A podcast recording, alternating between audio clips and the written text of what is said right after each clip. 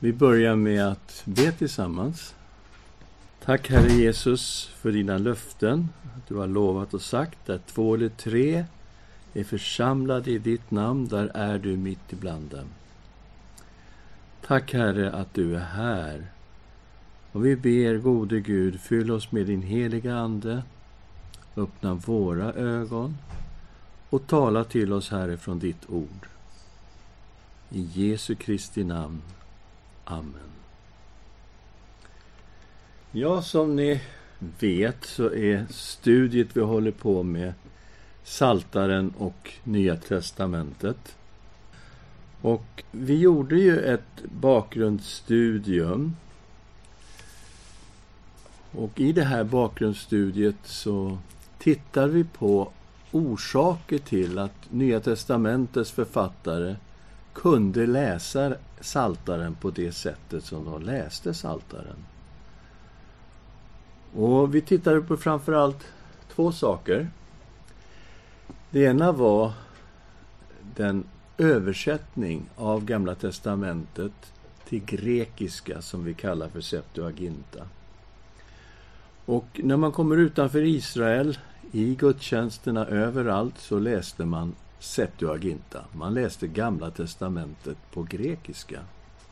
Och vi vet ju att Nya testamentet skriver på grekiska, så att det liksom är ju inte konstigt på det sättet. Och det som är speciellt med den här översättningen det är att det heliga namnet Jahve det står inte Jahve i den översättningen utan det står Kyrios, Herren, genomgående. Och det gör det ju i många av våra biblar också. Där det heliga namnet finns så står det Herren, ofta med stora bokstäver. Då. Och eftersom i Nya testamentet så är Jesus Herren. Det är väldigt tydligt på många ställen. Till och med så tydligt att vi har ett antal ställen i Nya testamentet som i GT handlar om Jahve, men som med NT tillskrivs Jesus, som då är Herren. Och vi tittade på den här väldigt kända versen från Joel 2.32. Att var och en som åkallar Herrens namn ska bli frälst. Var och en som åkallar Jahves namn ska bli frälst. Petrus använder den på pingstdagen. Paulus använder den i Romarbrevet kapitel 10. Och det är helt klart att det är Jesus som är Herren i de här avsnitten man går till Romarbrevet 10 så är det ju att om du med din mun bekänner att Jesus är Herren och i ditt hjärta tror att Gud har uppväckt honom från de döda så blir du frälst. Och var och en som åkallar Herren Jesu namn blir frälst. Och det här talar ju starkt för Jesu gudom. Och Gud är en. Han är Fader, Son, Helig Ande i en Gud. Så vi kan inte liksom dela upp det här utan Jesus är sann Gud och sann människa. Så det är klart, när de läser då Septuaginta i gudstjänsten och läser i den här bönboken, Saltaren och tillber Kyrios, Herren, så blir det väldigt naturligt att de tillber Kristus genom Saltaren. Det andra vi tittade på, det var ju att Nya testamentets författare, apostlarna och alla som har skrivit NT, de kommer ju inte tomma, så att säga. Att de bara liksom läser Saltaren och så hittar de Jesus där. Utan de kommer ju, så att säga, fyllda av Jesu undervisning. Jesus har ju vandrat ibland dem. Han har undervisat dem, han har uppenbarat Gud för dem och han själv var en uppenbarelse av Gud. Den som har sett mig har sett Fadern. Så vi försökte få tag i den här tidiga grundläggande undervisningen som de hade om Jesus och som Jesus själv använde och som apostlarna hade. Och då gick vi till änglarna i samband med Jesu födelse. Vi tittade på fyra änglabesök det var ängeln som kom till Sakarias Johannes döparens pappa, och förklarade för honom att den här sonen, Johannes, han ska gå framför Herren, deras Gud. Och när Sakarias väl kan tala efter drygt nio månader så säger han till den här nyfödde Johannes och du, mitt barn, ska kallas den Högstes profet, för du ska gå framför Herren och bana väg för honom. Så det blir väldigt tydligt därifrån. Vi gick till änglabesöket när Gabriel kom till Maria. Och då fick hon veta att det här ska vara Guds son, men också Davids son. Han ska sitta på sin fader Davids tron. Han ska regera i ett evigt rike. Och han ska kallas den högstes son. Vi gick till hans födelse och ängeln som talade med herdarna. Idag har en frälsare blivit född åt er i Davids stad. Han är Messias, Herren. Okej, okay, det här barnet är Messias, det här barnet är Herren. Oj, oj. Vi gick till Matteus 1 och tittade på ängens ord till Josef. Att Maria hade blivit gravid genom den heliga Ande. Och ängeln sa till Josef, du ska ge honom namnet Jesus. För han ska frälsa sitt folk från deras synder. Så vi ser här en väldigt rik undervisning om vem det, här, vilken det här barnet är ifrån de här väldigt tidiga vittnesbörden om honom. Han är alltså en frälsare. Han är Herren. Och då ska man tänka på Jahve. För det är därifrån bibelställena kommer, från Gamla testamentet. Det är de som går i uppfyllelse, det är Jahve. Han är Messias, det vill säga kungen i Guds eviga rike. Han är Guds son och han är Davids son. Det här har de då som en förkunskap när de kommer till saltaren och tillber Kyrios, Kristus. Och med den här grundförståelsen då så blir det lättare för oss att förstå NTs kristocentriska tolkning av saltaren. Och vi håller på att jobba med psalm 2. Vi gick igenom psalmen väldigt noggrant förra gången. Och vi tittade på apostlarnas bön som bad utifrån den här psalmen i Apostlagärningarna 4, 23-31. Och nu ska vi titta på den här frasen Du är min son, jag har idag fött dig. Och det är psalm 2, vers 7. Den kommer igen på några ställen i Nya testamentet. Och vi ska försöka förstå sammanhanget där den här kommer. Och eh, vi går till Apostlagärningarna 13, vers 16 till 41. Och den kommer på något sätt vara kopplad till uppståndelse från de döda. Vi hittar aposteln Paulus och Barnabas i Antiochia i Pisidien. De är en bit upp i Turkiet. Och de är i en synagoga.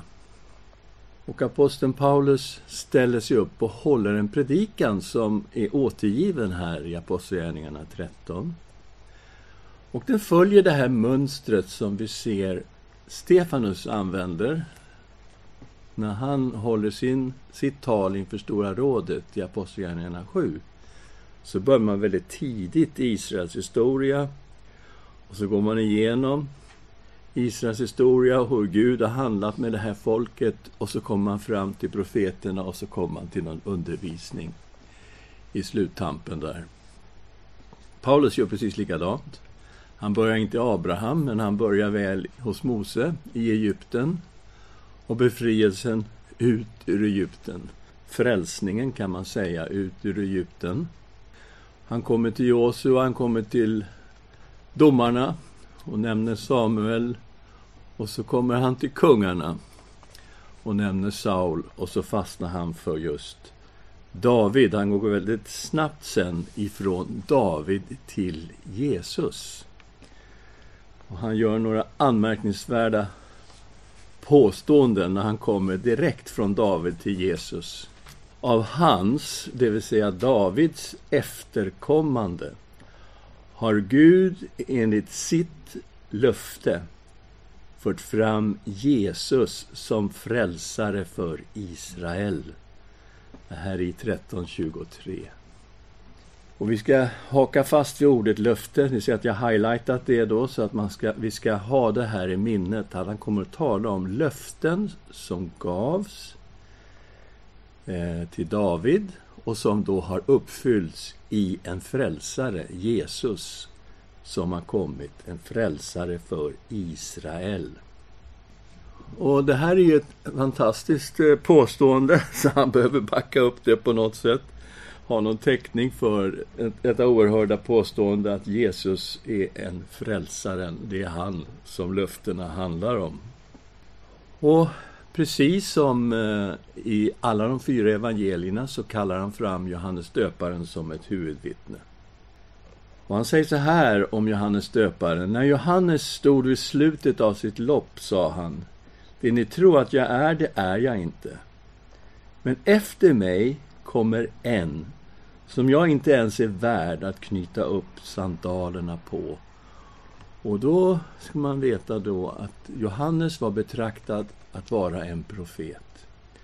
Hans tjänst hade haft ett enormt genomslag i hela Israel. Och till och med när Paulus kommer upp här i typ Turkiet då, i Antiochia-Pisidien, så vet de om det här. Han kan bara nämna Johannes och alla känner till de grundläggande bitarna kring Johannes döparen och hela hans tjänst. Och han, Johannes sa, jag är inte den ni tror att jag är. Jag är alltså inte Messias. Men den som kommer efter mig, det är han ni ska hålla ögonen på. Jag är inte ens värd att knyta upp hans sandalremmar. Så vem är det här som kommer efter? Ja, det är den som alla de här löftena pekar emot. Och sen berättar han då vad som hände med Jesus, hur de avrättade honom fast han var oskyldig. Och Israels ledare var med om det här och folket också. Men han är väldigt noga med att påpeka att det här har liksom inte hänt som någon olyckshändelse, att någonting gick fel. Det här var profeterat, det de gjorde med Jesus. Och då har vi ju typ Jesaja kapitel 53 om den lidande tjänaren. Och vi vet att det var profeterat att han skulle offra sitt liv. Så att här ser vi i kapitel 13, 29-31, och när de hade fullbordat allt som var skrivet om honom allt var fullbordat som var skrivet om honom. Tog de ner honom från träet och la honom i en grav. Men Gud uppväckte honom från de döda. Och han visade sig under många dagar för dem som hade följt honom från Galileen till Jerusalem och som nu är hans vittnen inför folket. Okej, okay, han håller på och backar upp det här fantastiska påståendet att Jesus är den här frälsaren som var lovad till David. Och nu kommer han till ögonvittnena. Det finns ögonvittnen som har vandrat med honom i Galileen och från Galileen och som har varit med och sett honom efter hans uppståndelse. Att han verkligen är uppstånden från de döda. Så har Johannes döparen och så har han apostlarna som vittnen. Och så kommer han då fram till Jesu uppståndelse på ett tydligare sätt. Vi är nu i Apostlagärningarna 13, 32 och 33 och det är här vi hittar vårt citat ifrån psalm 2. Och det är ett fokus på löftet och det är ett fokus på uppståndelsen här. Och nu förkunnar vi det glada budskapet för er och då vet vi att det glada budskapet är evangeliet. Alltså, vi förkunnar alltså evangeliet för er och vad är då evangeliet? Jo, löftet som fäderna fick har Gud uppfyllt åt oss, deras barn, genom att låta Jesus uppstå. Det står ju skrivet i andra salmen. Du är min son, jag har fött dig idag. Jag ska titta lite senare på hur Paulus använder det här citatet. Han fortsätter i vers 34. Och att han har uppväckt honom från de döda för att aldrig mer återvända till förgängelsen. Det har han sagt med dessa ord. Jag ska ge er de heliga och fasta nådeslöften som David fick. Och nu knyter han an till det han sa tidigare, va? att det var löftena till David som har gått i uppfyllelse i Jesus Kristus. Och det här är egentligen ett citat ifrån Jesaja kapitel 55 och 3. Och här handlar det om, när man läser Jesaja 55, då handlar det om att lyssna, att höra och höra vad Gud säger. Hör alla ni som törstar, kom hit till vattnet. Och ni som inte har pengar, kom hit och köp säd och ät. Jag kom och köp säd utan pengar och vin och mjölk för ingenting. Varför ger ni pengar för det som inte är bröd och era inkomster för det som inte mättar? Hör på mig, så får ni äta gott och er själ njuta av feta rätter. Vänd ett öra hit och kom till mig. Hör, så får er själ leva. Jag vill sluta ett evigt förbund med er. Den trofasta nåd som jag lovade David. Här kom det här citatet som Paulus använder. Se, honom har jag satt till ett vittne för folken, till en förste och ledare för folken. Det ska kalla på ett folk du inte känner och människor som inte känner dig ska skynda till dig. För Herren din Guds skull, Israels helige, för han har förhärligat dig. Och så kommer en vidare fantastisk undervisning här, i Jesaja 55. Men det finns alltså några nådeslöften som Gud har gett till David.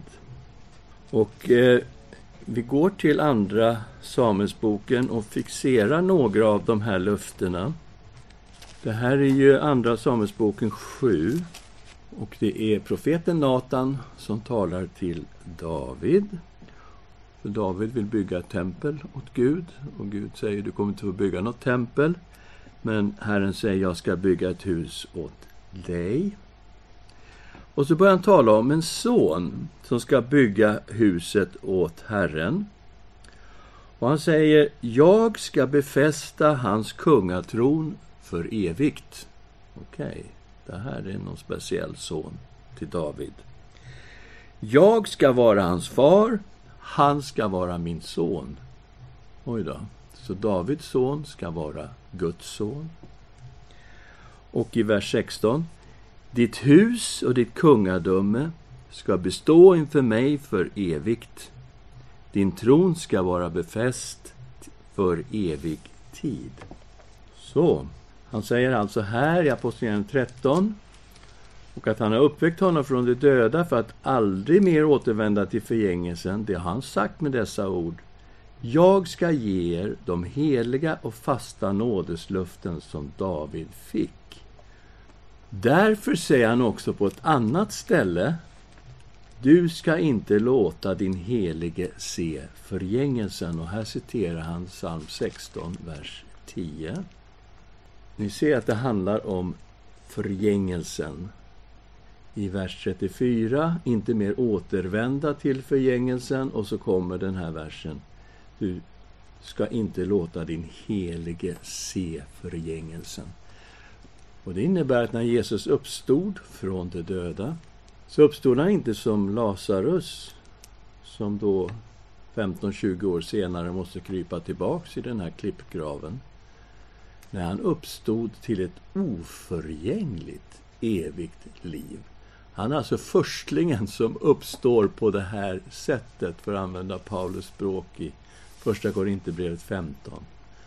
Han är den första som uppstår till det oförgängliga, eviga livet. Och det är det eviga livet som vi har fått när vi tror på Jesus Kristus.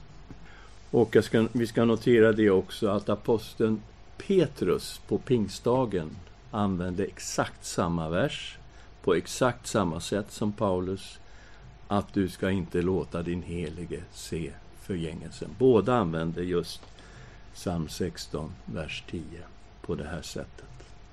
Och jag sa då att vi skulle titta lite grann på psalm 2 som vi håller på med.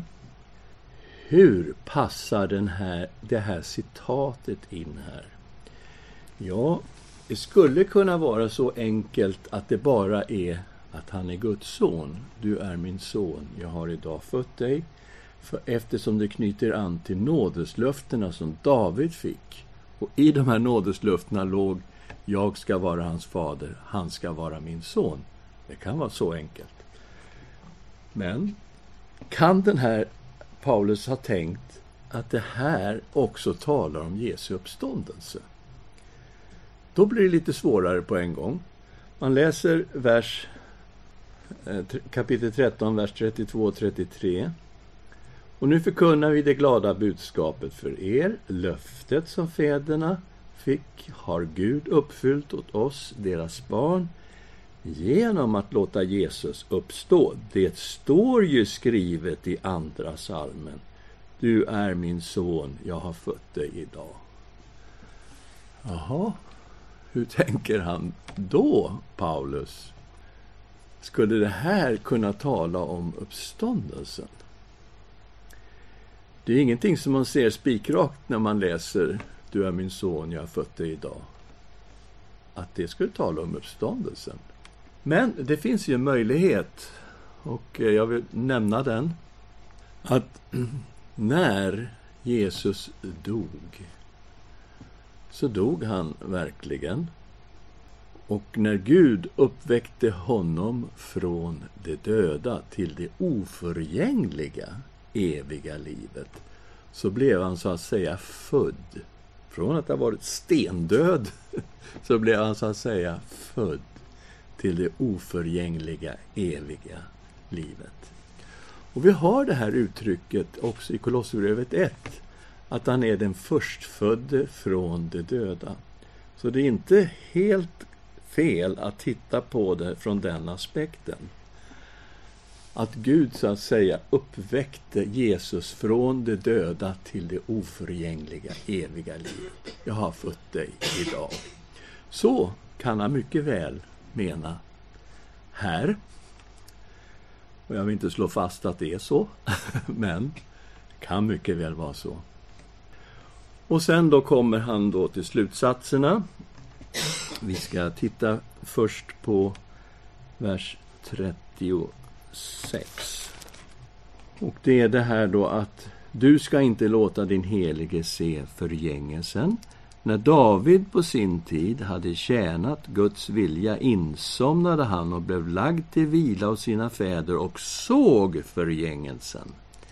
Men den som Gud uppväckte har inte sett förgängelsen.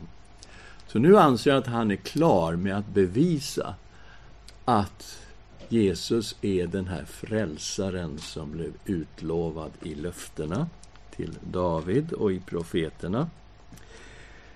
Och så kommer han till slutsatserna då. Därför ska ni veta, bröder, att det är genom honom som syndernas förlåtelse förkunnas för er.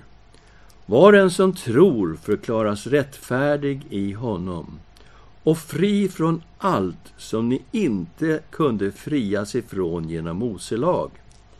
Se därför till att det som är sagt hos profeterna inte drabbar er.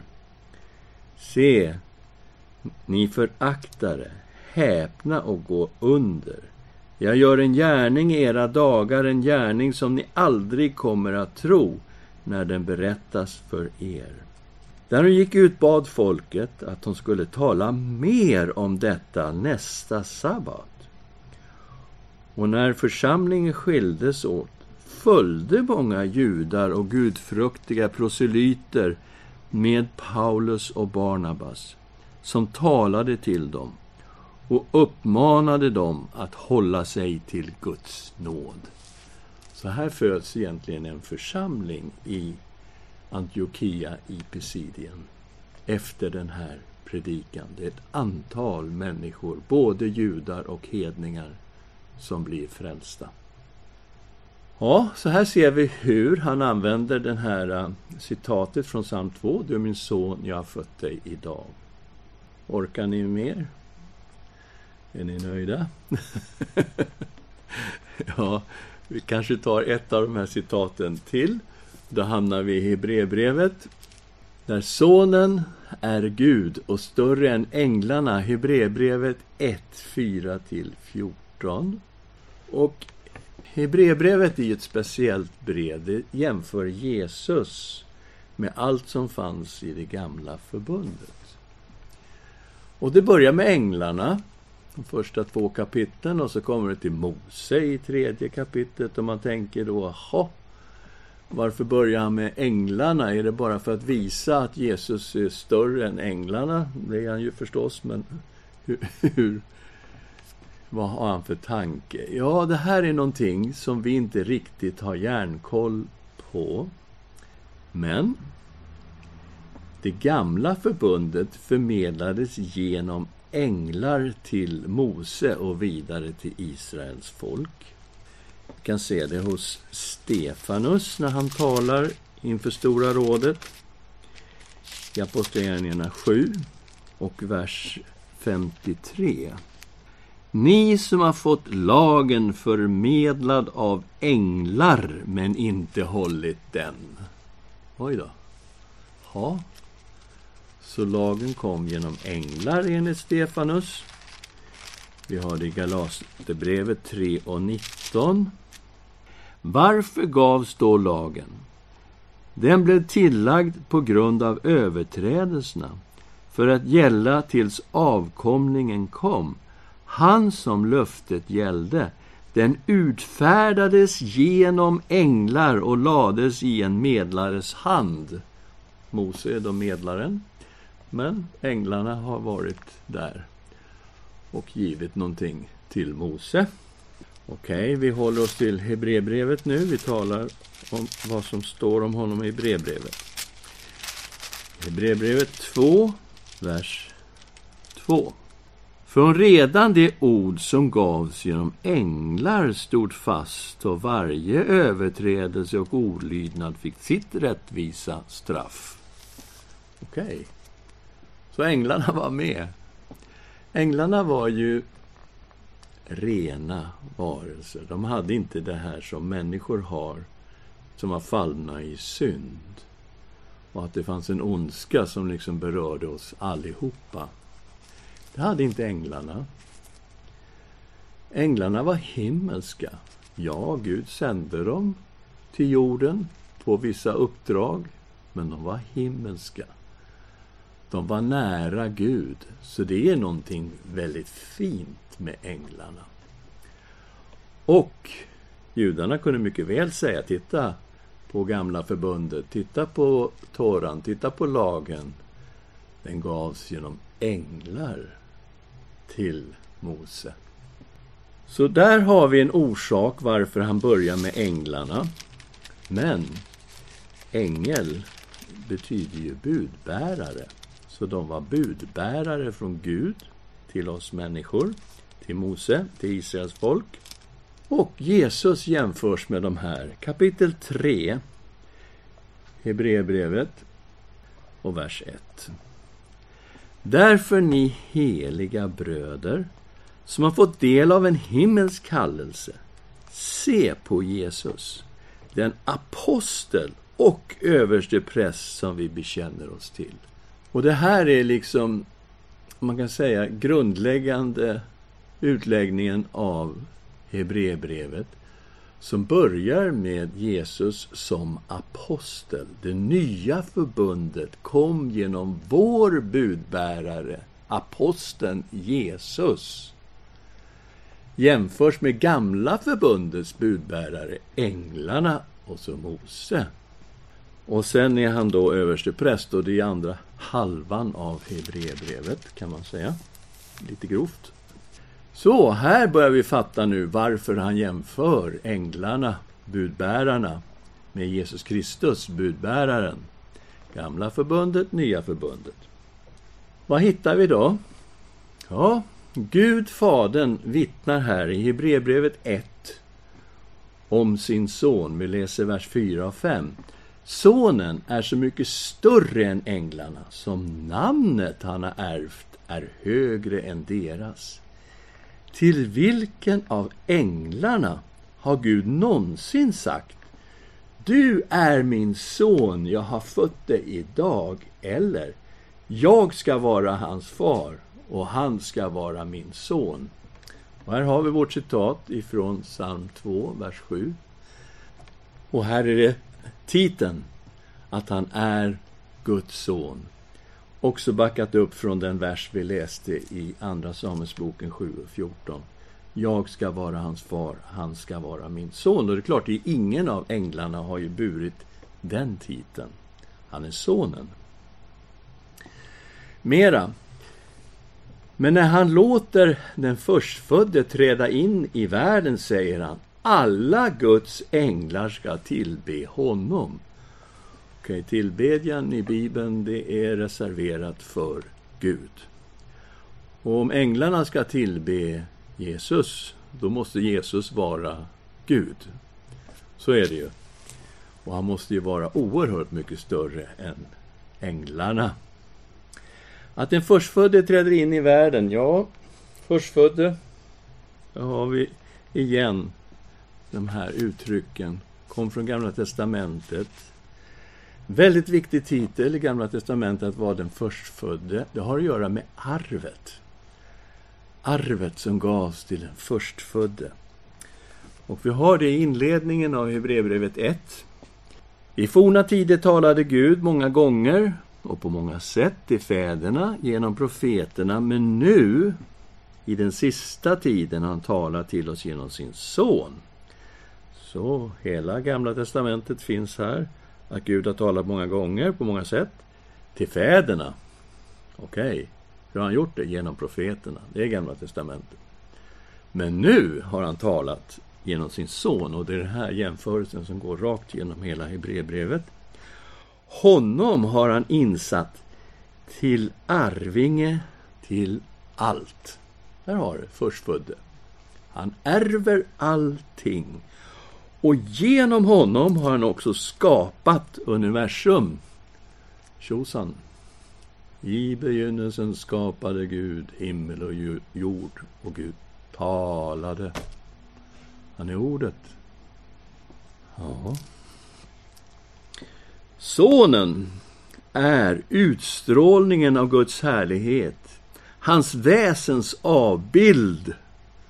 Okej, okay, han är en uppenbarelse av vem Gud är.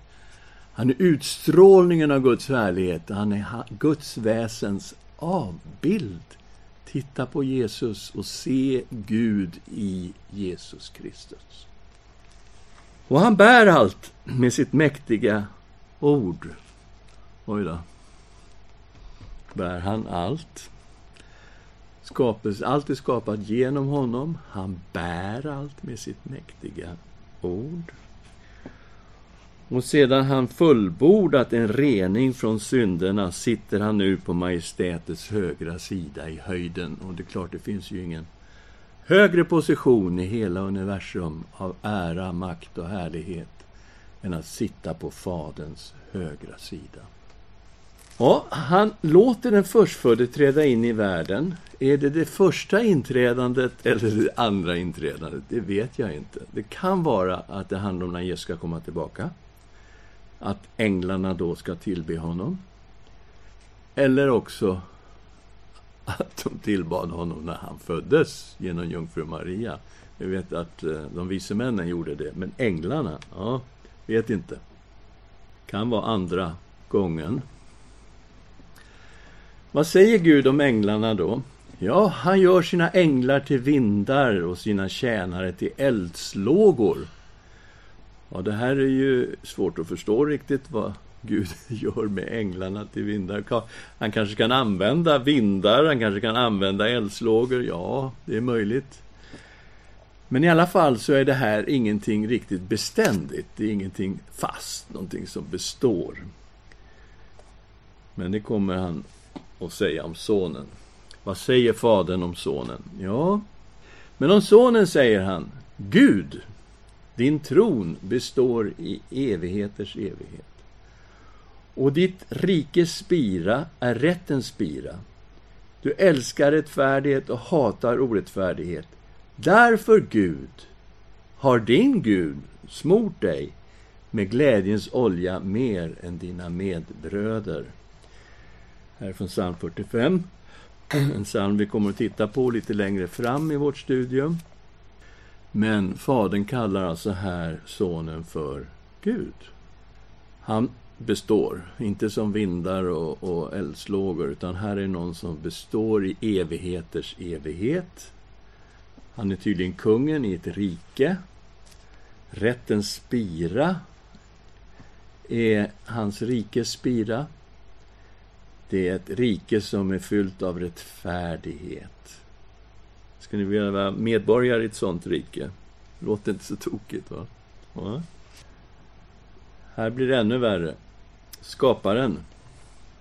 Psalm 102, vers 26-28. Och i begynnelsen la du, Herre, och här måste vi tänka då, det är Jahve i den här salmen, men Kyrios. För hela tiden så citerar Hebreerbrevet från Septuaginta, utgår från Septuaginta, hela tiden. Skrivet på grekiska, använder den grekiska översättningen som finns. Och då vet vi att här står det alltså Kyrios. I begynnelsen la du, Herre, jordens grund. Himlarna är dina händers verk. Det ska gå under, men du ska bestå. Det ska alla nötas ut som kläder. Du ska rulla ihop dem som en mantel och det ska bytas ut som kläder, men du är densamme och dina år har inget slut. Ja, genom Sonen har Gud skapat världen. Ja. Ja, Johannes 1 och 1. I begynnelsen var Ordet. Ordet var hos Gud, och ordet var Gud. Detta var i begynnelsen hos Gud. Genom det har allt blivit till. Och utan det har inget blivit till som är till. I det var liv och livet var människornas ljus. Skaparen, alltså, om man tänker, ja men Gud Fadern har väl skapat det här själv? Ja, men då måste vi tänka lite. Gud är en. Gud är Fader, Son, helig Ande i en Gud. Man kan inte dela upp Gud på det sättet. Säga, ja, Fadern, han gjorde det här. Och sonen, ja, han visste ingenting. Nej, det går inte när det gäller Gud Det finns bara en Gud. Så, absolut, i begynnelsen lade du, Herre, jordens grund. Himlen är dina händers verk. Men den här skapelsen vi tycker är så fast, som har funnits så länge vi kan titta bakåt. Och ändå, den kommer inte bestå. Okej, okay, börjar vi med Big Bang har den inte funnits hur länge som helst, men ändå, vi talar om miljarder år, säger vetenskapen. Men den kommer alltså att gå under, ska inte bestå. Ja, det är klart, det säger vetenskapen också, att den här solen kommer en dag att säcka ihop och liv som vi känner idag kommer inte finnas alls ett enda smack av utan att någon gör någonting. Det ska gå under, men du ska bestå. Jämför den här skapelsen vi tycker är så oerhört gammal och fast med honom som består. Skapelsen kommer inte bestå. Men du, du kommer att bestå. Hon kommer att nötas ut som kläder, ja, så är det. I ett långsiktigt perspektiv så nöts skapelsen ut som kläder. Men titta på du här. Du ska rulla ihop dem som en mantel. Så allt är skapat genom Sonen. Han bär allt med sin makts ord. Och en dag kommer det slut på skapelsen. Och då är det sonen som säger slut. Du ska rulla ihop dem som en mantel. Och jämfört med detta då, men du är densamme och dina år har inget slut.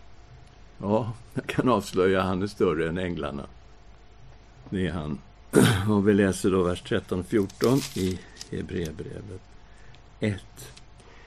Till vilken av änglarna har någonsin sagt Sätt dig på min högra sida tills jag lagt dina fiender som en pall under dina fötter. Är inte änglarna andar i Guds tjänst, utsända för att hjälpa dem som ska ärva frälsningen? Och det här är psalm 110, vers 1. Vi kommer att kolla på den psalmen mycket noggrannare sen också. Men lite svårt hade jag nog med det här. Jag läste det och tänkte, vad är detta? Fienderna ska läggas under hans fötter som en pall. Vad, vad är det här för någonting? Tills Maggan och jag gick in i Egyptiska museet i Kairo och tittade på Tutankhamons tron och hans fotpall. Och i fotpallen var folken ingraverade som han styrde över. Så när han satt på sin tron så satte han fötterna över sina fiender, så att säga. Och det är klart, då blir bildspråket helt plötsligt väldigt levande. Sätt dig på min högra sida tills jag lagt dina fiender som en pall under dina fötter. Och Kristus regerar över alla sina fiender som en evig kung. Ja, han är större än änglarna. Och i det här fantastiska avsnittet så har vi då det här citatet Du är min son, jag har fött dig idag. Och allt det här som används här i kapitel 1 i brevbrevet, det är citat från Psaltarpsalmer. Och vi går tillbaka till detta att de läste Septuaginta och tillbad Kyrios, Herren, genom Saltaren. Ska vi be tillsammans? Tack Herre att vi får också böja oss inför dig. Jesus Kristus, Guds son. Ja, du är större än änglarna. Ja, du är evig. Och vi får vara med och tillbe dig som vår Herre och vår Frälsare, som vår konung, som den evige. I Jesu Kristi namn. Amen. Ja, jag skulle kunna öppna för frågor, men min fru har sagt att eh, på grund av söndagsskolan så... Nej, men har ni någonting som trycker på så får ni gärna säga. Ja, Lilian. Det här som står i Andra Samuelsboken Ja. 7 och 14. Ja. I slutet, jag ska vara hans far och han ska vara min son. Mm. Gör han något orättfärdigt ska jag straffa honom med människosis och med frågor som drabbar mig. Precis. Sammanhanget är ju ett lokalt sammanhang. Eh, Den som hade gjort någonting illa som Gud eh, vek sig bort ifrån, det var Saul. Den som skulle bygga templet, det var Salomo. Men det fanns alltså helt andra dimensioner till det Natan sa, som inte bara går att stoppa in i Salomo som byggde templet. Och det är att han är Guds son. Och det är att hans tron ska vara evig och att han ska regera i ett evigt rike som ska bestå forever. Så här kommer de messianska bitarna in. Men samtidigt, Saul finns där och Salomo finns där. Så det messianska slutar mitt i sanden. Eller mitt i väst. Ja, versen fanns ju inte på den tiden. Den har någon petat dit så. Men ja, alla fall, absolut. Mm. Och så plockas det upp sen i psalm 2, en psalm av David. Såg vi ju när vi studerade psalm 2 förra gången. Du är min son, jag har idag fött dig. Och så har du ängeln som kommer till Maria och säger han ska vara Guds son, han ska vara Davids son.